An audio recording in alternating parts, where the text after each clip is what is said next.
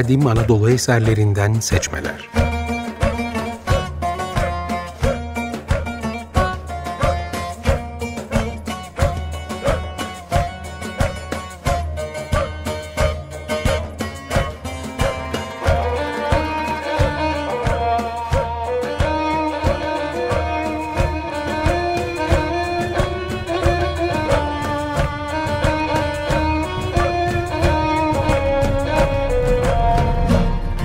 Hazırlayan ve sunanlar Gülnar Mimaroğlu ve Haluk Mimaroğlu.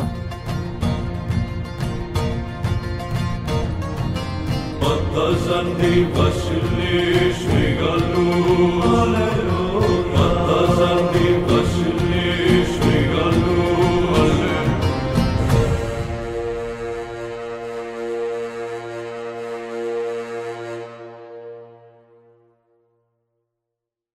Ben Haluk Mimaroğlu. Geçen hafta tanıtmaya başladığımız Strabo'nun Coğrafya adlı kitabına kaldığımız yerden devam ediyoruz. Geçen programda belirttiğimiz gibi Strabon aslen Amasyalı bir Roma vatandaşıdır. Milattan önce 64 ile milattan sonra 24 yılları arasında yaşamıştır. Amasya, Yeşilırmak kenarında korunaklı bir mevkide Anadolu'ya çıkan yolların kesiştiği bir yerdedir. Karadeniz bölgesinin bereketli topraklarında zengin ve gelişmiş bir yerleşimdir. Amasya aynı zamanda Pontos Krallığı'nın da başkentidir. Dönem Roma'nın Anadolu'da genişleme dönemidir. Pontos Krallığı uzun süre Romalılara direndikten sonra milattan önce 63'lerden itibaren Roma'ya tabi olmuştur. Strabon, Roma'yı destekleyen ailesi sayesinde Roma vatandaşlığı almış ve Roma'ya yerleşmiştir. Roma İmparatoru Augustus döneminde ülkeyi boydan boya gezmiş kütüphanelerdeki kadim eserleri inceleme imkanı bulmuştur. 17 kitaptan oluşan Geografika adlı coğrafya kitabı İspanya'dan Mısır'a, Karadeniz'den Akdeniz'e kadar uzanan Roma ülkesinin fiziki yapısı, halkları ve tarihi hakkında bilgi vermektedir. Kitap Strabon'un ana dili olan İyon dilinde yazılmıştır. Kitap ancak 1472'de Latince'ye çevrildikten sonra yaygın olarak Avrupa'da okunmaya başlanmıştır. Eserin Anadolu'dan bahseden 12., 13. ve 14. kitapları Profesör Adnan Pekman tarafından çevirisi yapılıp ilk olarak 1987 yılında Arkeoloji ve Sanat Yayınları tarafından yayınlanmıştır. Geçen programda eserin 12. kitabından başlayarak Karadeniz'den Akdeniz'e kadar uzanan Pontos ülkesinden Marmara bölgesindeki Trakya kökenli Bitinyalılardan, Balkanlardan gelip İç Anadolu'ya yerleşen Kelt kavimlerinden Galatyalılardan kısaca söz etmiş ve devamında Ege'de Atalos sülalesinin idaresindeki Bergama Krallığı'nın tarihine, yerleşimlerine ve eserlerine değinmiştik. İskender'in seferinden sonra Pontos, Bitinya, Bergama, Galatya, Kapadokya'da tekrar ortaya çıkan yerel krallıklardan bahsederken İskender sonrası dönemin günümüz tarihçileri tarafından Helenistik dönem olarak adlandırılmasının pek anlamı olmadığına değinmiştik. Strabon eserinin Anadolu ile ilgili 14. kitabında Ege ve Akdeniz sahilleri boyunca yer alan İonya, Karya, Likya, Pamfilya ve Kilikya bölgelerindeki yerleşimlerden bahseder. Bu bölgeler kabaca bugünkü İzmir, Muğla, Antalya, Mersin ve Adana bölgelerine tekabül eder. Strabon neredeyse kendisinden 500 sene önce yazılanlardan yola çıkarak bu yerleşimlerin tarihi, coğrafyası, yetiştirdiği ünlü kişiler hakkında zaman belirtmeden ayrıntılı bilgiler verir. 14. kitabın birinci bölümünde Strabon söze İonya ile başlar. Strabon'a göre İonya'nın sınırı Fokya yani Foça'dan başlar, Smirna, İzmir ve Efesos Selçuk üzerinden o zamanlar bir körfezde bulunan Miletos'a kadar uzanır. Simirna ile Efesos'un arasındaki mesafenin kuş uçuşu 340 stadyon yani yaklaşık 60 kilometre olduğunu söyler. Ancak sahil boyunca gidilirse irili ufaklı körfezler nedeniyle bu yolun neredeyse 10 misli daha uzadığından bahseder. İonya sahili boyunca yer alan körfezlerdeki yerleşimleri teker teker sayar ve efsanelere dayanan tarihçelerini gerçekmiş gibi anlatır. Strabon bu yerleşimlerin tarihini anlatırken kendisinden 500 yıl önce yazılan Ferekides'in Efsaneler kitabından yararlanır. Fokya ile Efesos arasında ve yakındaki adalarda önceleri Leleglerin, Efesos'tan Miletos'a kadar uzanan bölgede ise Karyalıların yaşadığını söyler. Ancak bu halkların bölgeye gelen İlyonlar tarafından Karya'nın iç kısımlarına sürüldüğünü ilave eder. Gene Strabon'un Ferikides'ten aktardığına göre İyon kolonizasyonunun lideri ve Efesos'un kurucusu Kodros'un oğlu Andrakos'tur. Kodros, Helen efsanesine göre Atina'nın efsanevi kralıdır. Açık kaynaklarda verilen bilgilere göre Ferekides, Siklades adalarından Sirosludur. Fikredes'in aslen Anadolu mu, Fenikeli mi olduğu belli değildir. Kimilerine göre Zerdüşlükten esinlenmiş, kimilerine göre Pitagoras'ın esin kaynağı olmuştur. Efsanelerle ilgili eserleri olduğu bilinmektedir. Verekides'in eserleri günümüze ulaşmamış olsa da Strabon'un yerleşimlerin tarihi hakkında anlattıklarına kaynaklık etmiştir. Strabon'un anlattıklarının da Ferekides'in efsanelerinden biri olma ihtimali çok yüksektir. Bu efsanelere göre Piloslular Atina'ya gelip efsane kral Kodros'un önderliğinde İyonyalılarla birlikte kolonizasyon hareketine katılmışlardır. Piloslular Peloponnesos'un ücra bir köyündendir. Kodros Atina'nın efsanevi kralıdır.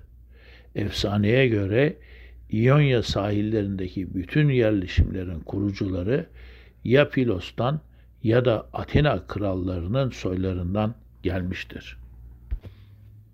Söke sahilindeki Mius, Seferhisar'daki Lebedos, Değirmendere'deki Kolofon, Doğanbey'deki Priene, Sığacak'taki Teos, Ildırı'daki Eritrai, Foça'daki Fokaya, Urla'daki Klazomenia yerleşimleri de Strabon'un aktardığına göre Helas'tan gelenler tarafından kurulmuştur. Bu yerleşim kuruluş efsaneleri 500 sene sonra bile Strabon'un Romalılara hitaben yazdığı kitapta da yer alır. Ve bu bilgilerin gerçekmiş gibi günümüze kadar gelmesine sebep olur. Batılı tarihçiler bu efsaneyi İyon ve Dor akımları söylemleriyle pekiştirerek Anadolu kıyılarında bulunan bu yerleşimleri ve bu bölgede gelişen medeniyeti Anadolu'nun binlerce yıllık geçmişini göz ardı edip Helen yerleşimleri ve medeniyeti olarak tanıtırlar. Ancak Helas'tan ve Helenlerden bahseden başka tarihçiler de vardır. Bunlardan birisi milattan önce 400'lerde Atinalı tarihçi Tukidides'tir. Tukidides gerçekleri tarafsız olarak yazan bilimsel bir tarihçi olarak bilinir. Atina-Sparta arasındaki Peloponnesos savaşlarını anlatan eserinin birinci kitabının ikinci bölümünde Helas ve Helenlerle ilgili bilgiler vermiştir. Tukidides'e göre Helenler aslında verimsiz topraklarda yaşayan, birbirleriyle savaşan, gittikleri yerlerde konsanlık yapan fakir halklardır. Şimdi bir de Tukidides'in Peloponnesos Savaşları adlı kitabından Helenler hakkında söylediklerine kulak verelim. Peloponnesos Savaşları 1. kitap 2. bölüm Helas'ta ilk zamanlardan itibaren düzenli bir yaşam kurulmamıştır. Sürekli olarak göçler birbirini takip etmiştir. Öte yandan hem karadaki hem denizdeki ticaret de pek güvenli sayılmazdı. Çiftçiler kendilerini bile zor besliyorlardı. Kentler korunaklı değildi. Bu nedenle insanların para biriktirme imkanı yoktu. Her an birileri gelip topraklarını işgal edebilirdi. Bu şartlar altında yaşayan insanların diğer kentler üzerinde egemenlik kurmak gibi bir heveslerinin olmaması çok doğal karşılanırdı. En verimli topraklar sürekli olarak işgale uğruyordu.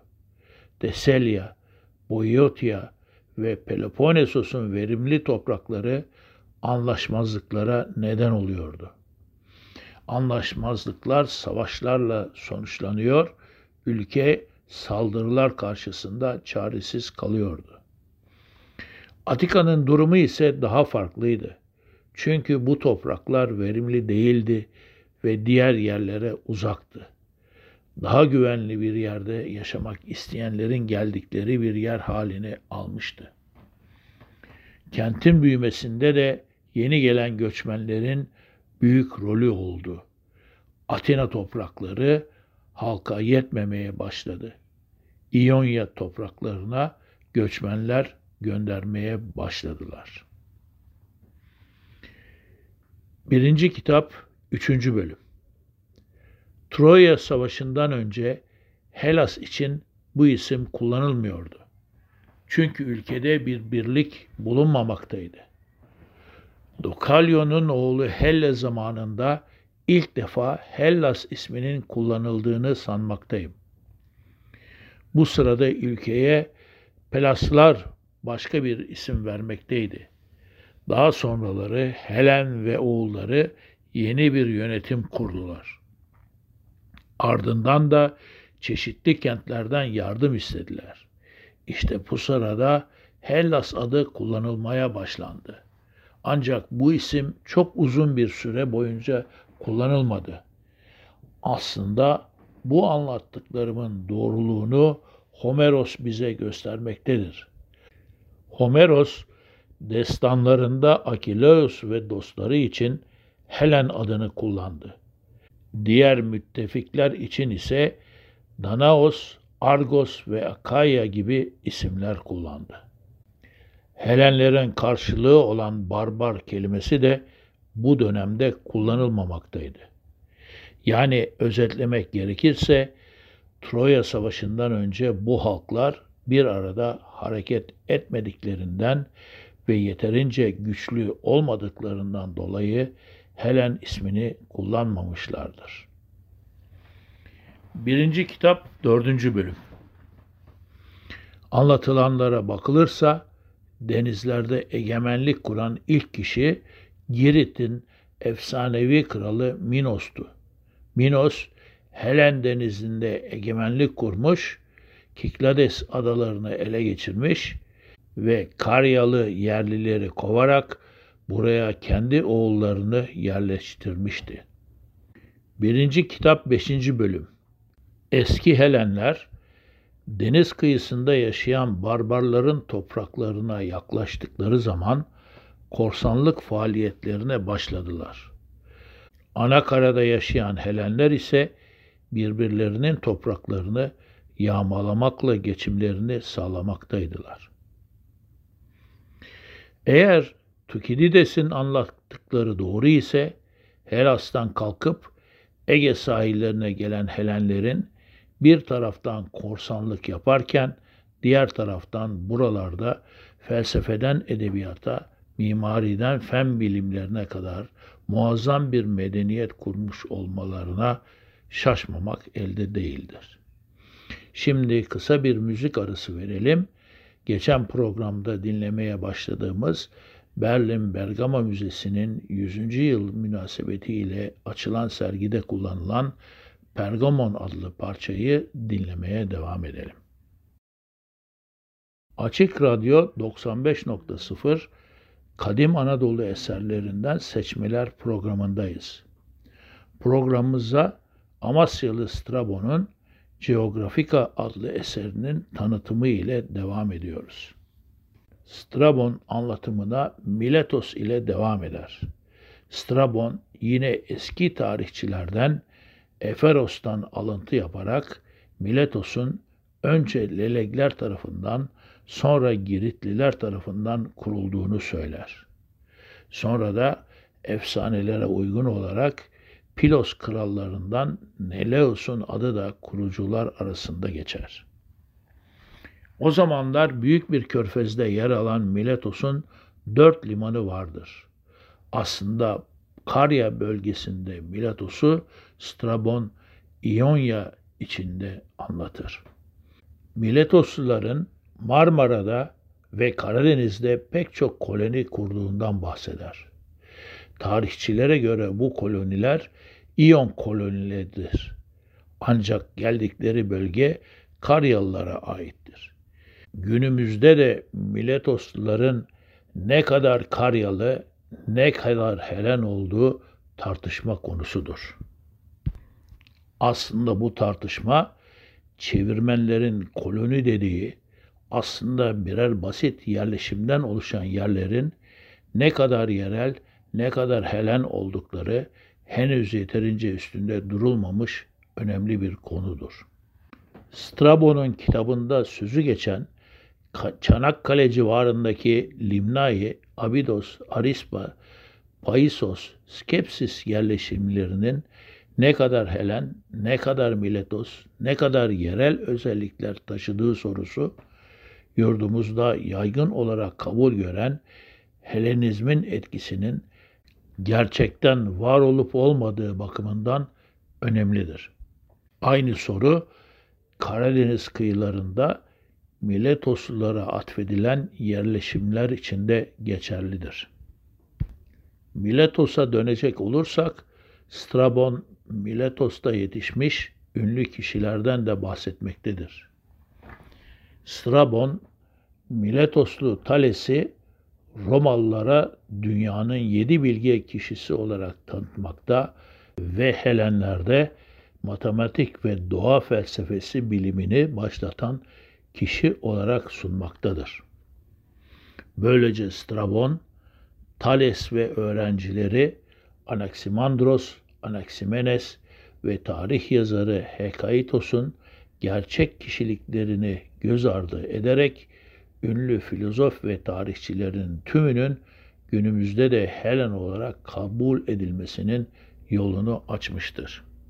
Strabon kitabının devamında bölgedeki tarihi gelişmeleri ve bölgede yetişen ünlü kişileri de uzun uzun anlatarak sözü Karya'nın diğer bölgelerine getirir. Anlatımı biraz karışıktır. Kah efsanelerden, kah ünlü kişilerin söylediklerinden, kah Perslerin devrinde olanlardan, kah İskender devrinden, kah kendi dönemindeki Romalılardan bahseder. Karya, Lidya, Likya, Klikya hakkında verdiği bilgiler çoktur ama karışıktır. Halklardan, inançlardan, konuşulan dillerden, kıyılardan, limanlardan, tapınaklardan, Anıtlardan, şairlerden, yazarlardan, kral ve kraliçelerden, ünlü kişilerden, zaman belirtmeden ard arda bahseder. Anlattığı bölgeler hakkında çok bilgi verir. Ancak bunların içinden çıkmak biraz zordur. Strabon eserinde pek çok kadim yazardan bahseder ve yazarların eserlerinden alıntılara yer verir. Strabon'un eserinde adı geçen ve eserine kaynaklık eden pek çok yazar vardır. Başta epik şair Homeros olmak üzere tanrıların yazarı Heziodos, tarihin babası Halikarnaslı Herodotos, tarih ve coğrafyacı Miletoslu Kaitaios, Atinalı tarihçi Tukidides, Megapolisli tarihçi Polibios, Kral Filipos'un sarayından Teopompos, İskenderiye kütüphanesini kuran Korkutelili Zenodotos, şair Pindaros, Persika'nın yazarı Sinopeli Baton, Lesboslu tarihçi Helanikos, tarihçi ve gramerci Apollodoros, Midillili şair Alkaios bunlardan bazılarıdır. Strabon'un eserinde adı geçen çoğu Anadolu kökenli tarihçi, şair ve yazarların eserlerinin çoğu günümüze ulaşmamış olsa da bu eserlerin Roma İmparatorluğu'nun kuruluş yıllarında yaygın olarak bilindiği anlaşılmaktadır. Muhtemelen bu kadim eserler Roma dönemi yazarlarının esin kaynağı olmaktan öte Roma inanç ve medeniyetinin de oluşmasına tesir etmiştir. Anadolu'da 1500 yıl hüküm süren Roma devrinin ilk dönemlerine ışık tutan Strabon'un kitabı zengin bir kaynaktır. Neredeyse her satırı günümüze de yansıyan yurdumuza ait gelişmeleri içermektedir. Ancak eserde yurdumuzla ilgili verilen bilgilerin yazarlarımızın süzgecinden geçirilip efsaneler ile gerçekler birbirinden ayrılarak yorumlanması gerekmektedir. Bundan sonraki programlarda Anadolu'nun Roma dönemine geçişine tanıklık eden birkaç esere daha yer vereceğiz.